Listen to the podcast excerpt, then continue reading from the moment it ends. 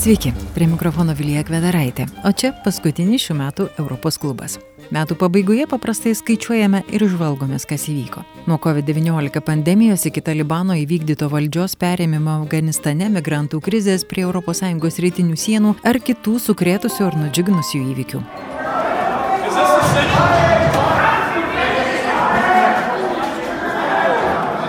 Metų pradžioje vaizdai iš Junktinių valstijų sukrėtė Europą ir pasaulį. Sausio 6-ąją šimtai Donaldo Trumpo šalininkų šturmavo Amerikos demokratijos buveinę Kapitolijų, siekdami užkirsti kelią kongresui patvirtinti Joe Bideno pergalę prezidento rinkimuose. Riaušės pareikalavo penkių žmonių gyvybių, nukentėjo dešimtys policijos pareigūnų. Trumpui tai pakeisti rinkimų rezultatų nepadėjo. Po dviejų savaičių Joe Bidenas buvo prisaigdintas 46-ųjų JAV prezidentu. Donaldas Trumpas atsisakė dalyvauti jo inauguracijoje inauguracijoje sulaužydamas 152 metus gyvavusią tradiciją. Vasario 13 dieną Trumpas po istorinio antro apkaltos proceso buvo išteisintas dėl kaltinimų kuršius maištą. Tai buvo politinis sprendimas, susitelkė Senato Respublikonai.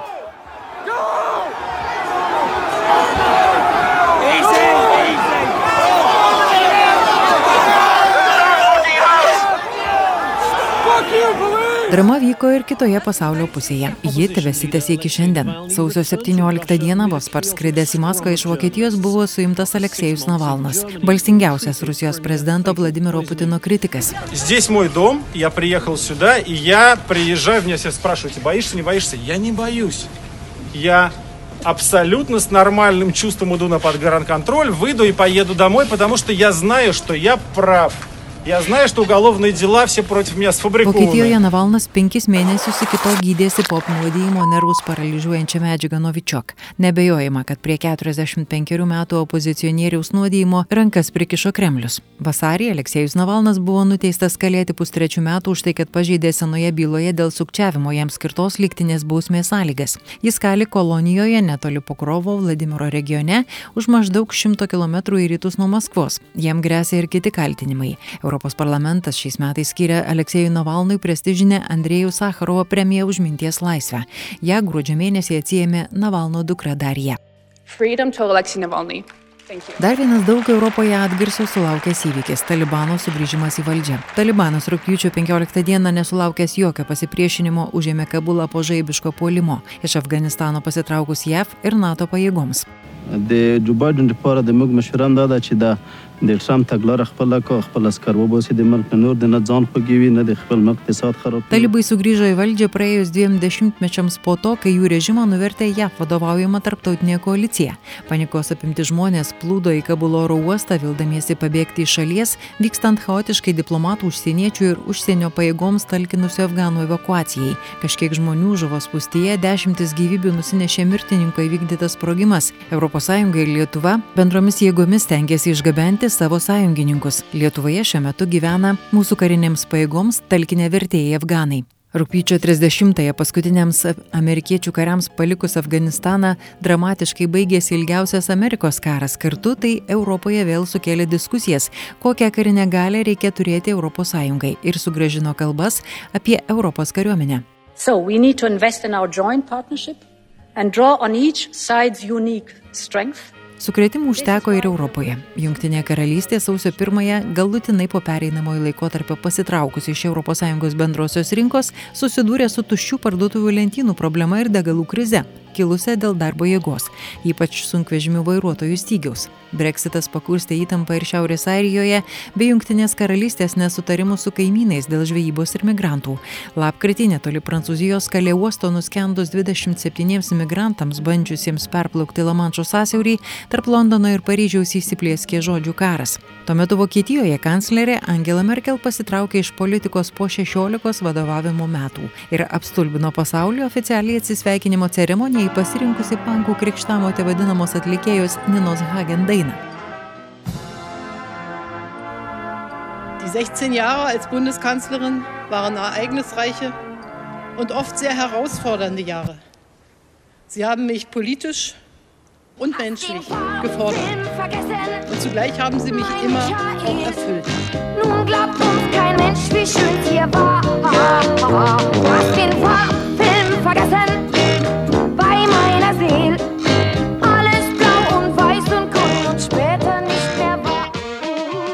Gruodžio pradžioje Merkel kanclerio poste pakeitė Olafas Šolcas, kurio socialdemokratai sudarė koaliciją su žaliaisiais ir laisvąją demokratų partija. ES aštrų konfliktą išprovokavo teisės viršenybės principo pažeidimai Lenkijoje. Spalio 7-ąją Lenkijos konstitucinis tribunolas prieėmė nutartį, kad ES teisė taikytina tik tam tikrose apribotose srityse, o visur kitur pirmumą turi Lenkijos įstatymai. Europos komisija ir kai kurios na, šalys narės pareiškė, kad tokia pozicija žalinga ES anglaudai ir yra teisinė priedanga Varšuvai, jai siekiant panaikinti teismų nepriklausomumą ir nebesilaikyti demokratinių normų. Dėl neužtikrinamo teismų nepriklausomumo Lenkijai iki šiol neišmokamos atsigavimo fondo lėšos. Vienas svarbiausių metų įvykių - konferencija COP26 vykusi Glasge. Klimato kaita visame pasaulyje paskatino dažnesnės ir smarkesnės gaivalinės nelaimės - nuo katastrofiškų potvinių Vokietijoje ir Belgijoje iki užsitęsusių niokojančių miškų gaisrų Ispanijoje, Graikijoje, JAF, Rusijoje ir kitur pasaulyje. Lapkritį per Junktinių tautų klimato konferenciją Glasge beveik 200 šalių pasirašė susitarimą dėl pastangų stabdyti įsibėgėjusį pasaulio klimato šiltėjimą. Tačiau nuo ekspertų nesu sugebėjo priimti sprendimų, kurie būtini aštrėjančiai krizai suvaldyti. Antra metų pusė itin karšta buvo ir Lietuvos, Lenkijos, Latvijos bei Baltarusijos pasienyje. Nuo vidurio metų prie išorinės ES sienos susibūrę migrantai neleido atsikvėpti. Ypač didelės reakcijos ir ES institucijose situacija sulaukė metų pabaigoje, kuomet lapkritį tūkstančiai migrantų iš vidurinių rytų spaudžiant šalčiui buvo kelioms savaitėms įstrigę stovykloje prie Baltarusijos sienos su Lenkija, vildamiesi patekti į ES. Keliolika migrantų nuo nepakeliamų sąlygų mirė. Per šios metus Lietuvos pasieniečiai sustabdė per 8 tūkstančius bandymų patekti į Lietuvą nelegaliai. Baltarusijos autoritarinio prezidento Aleksandro Lukašenkos režimas kaltinamas migrantų srautų organizavimu ir vakarų šalys tai vadina hybridinė agresija keršijant už bloko sankcijas Minskui. Nerima kelia ir žmogaus teisų situacija, ne tik Baltarusijos pusėje. Lietuvos bei Lenkijos elgesys taip pat kelia daug abejonių jo teisėtumu žmogaus teisų gynėjams. Dar viena didžiulė problema bręsta prie Ukrainos sienos. Vakarų vyriausybės paskutiniu paskutiniosiomis šių metų savaitėmis kaltino Maskvą, sutelkus maždaug 100 tūkstančių karių prie rytų Ukrainos, kurių vyriausybės pajėgos jau nuo 2014-ųjų kariauja su prorusiškais separatistais. Rusija neigia besiruošiant įsiveršti, bet iš JAV ir NATO reikalauja garantijų, kad ši niekada nepriims į NATO tokių šalių kaip Ukraina. Мы ясно и четко дали понять, что дальнейшее движение НАТО на восток неприемлемо. Ну чего здесь непонятного? Atsakydamos Junktinės valstijos ir ES pagrasino imtis prieš Rusiją griežtų ekonominių sankcijų, jei ši bandys įsiveršti į Ukrainą. Tuo pat metu Maskvai buvo pasiūlyta surenkti darybas, planuojama, kad jos prasidės sausio mėnesį. Na ir žinoma pandemija. Jau trečius metus lydinti COVID-19 pandemija nesitraukia. Beveik 5,5 milijono žmonių mirė nuo koronaviruso. Tačiau skurdžios šalys pasaulyje vakcinų vis dar neturi pakankamai, turtingusioms jau skiepinti sustiprinančiąją dozę. Kai kur ir Europoje, pavyzdžiui, Niderlanduose įvedami nauji karantinai. Sėkmingi klinikiniai vaistų nuo COVID-19 bandymai pakurstė viltis dėl greito sugrįžimo į įprasto gyvenimo vėžes, tačiau jas aptemdė naujos omikron atmainos atsiradimas. Dar metų pradžioje itin daug aistrų vyrė dėl vakcinų. Patvirtinus Pfizer, Moderna ir AstraZeneca, pastaroji sulaukė daug priekaištų dėl vėluojančių pristatymų pristatymų pažeistų terminų, galiausiai jos naudojimo rekomendacijos labai keitėsi ir kai kurios šalys net uždraudė šios vakcinos naudojimą jauniems žmonėms. Tačiau galiausiai vakcinacijos kampanija įsibėgėjo ir tuo pat metu plūstant propagandai prieš vakcinas, vykstant dezinformacijos kampanijoms, rytų Europos šalyse tapo galvos skausmu nebe vakcinų trūkumas, o antivakserių kampanijos. Welcome to your COVID-19 special. I'm Chelsea Delaney. Nuo kitų metų ES biudžete skirtos ir didesnės lėšos atsigavimui bei vakcinacijai. Europos parlamentas užtikrino papildomus pusę milijono eurų 2022 prioritetams, įskaitant finansavimą atsigavimui po pandemijos ir 200 milijonų dozių finansavimą per COVAX mechanizmą pasauliniam vakcinavimui. Kelionės ES viduje sugrįžo jau metų viduryje skiepytiems keliautojams. Sugeneruota beveik 600 milijonų COVID-19 pažymėjimų. Su retomis išimtimis ES viduje leidžiama laisvai judėti, turint galiojantį COVID-19 pažymėjimą, kuriam siūloma nustatyti standartinį 9 mėnesių galiojimo terminą.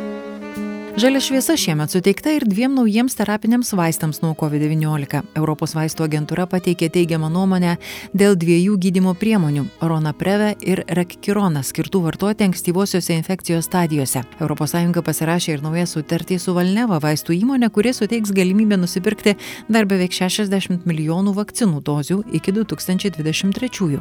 600 milijonų eurų nuo iš ES biudžeto skirta Ukrainai, siekiant padėti sumažinti ekonominę pandemijos įtaką.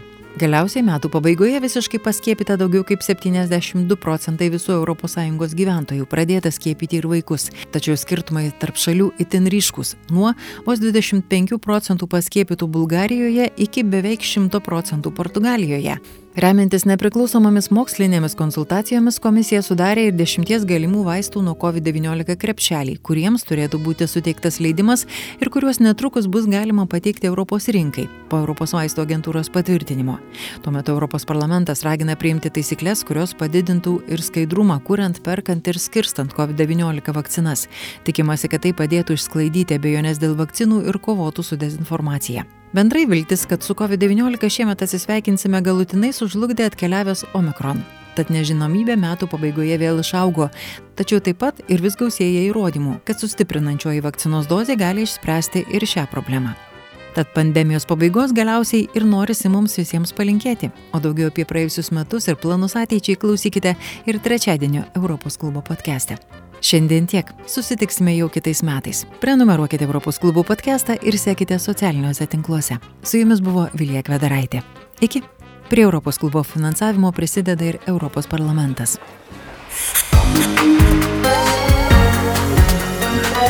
Europos klubas.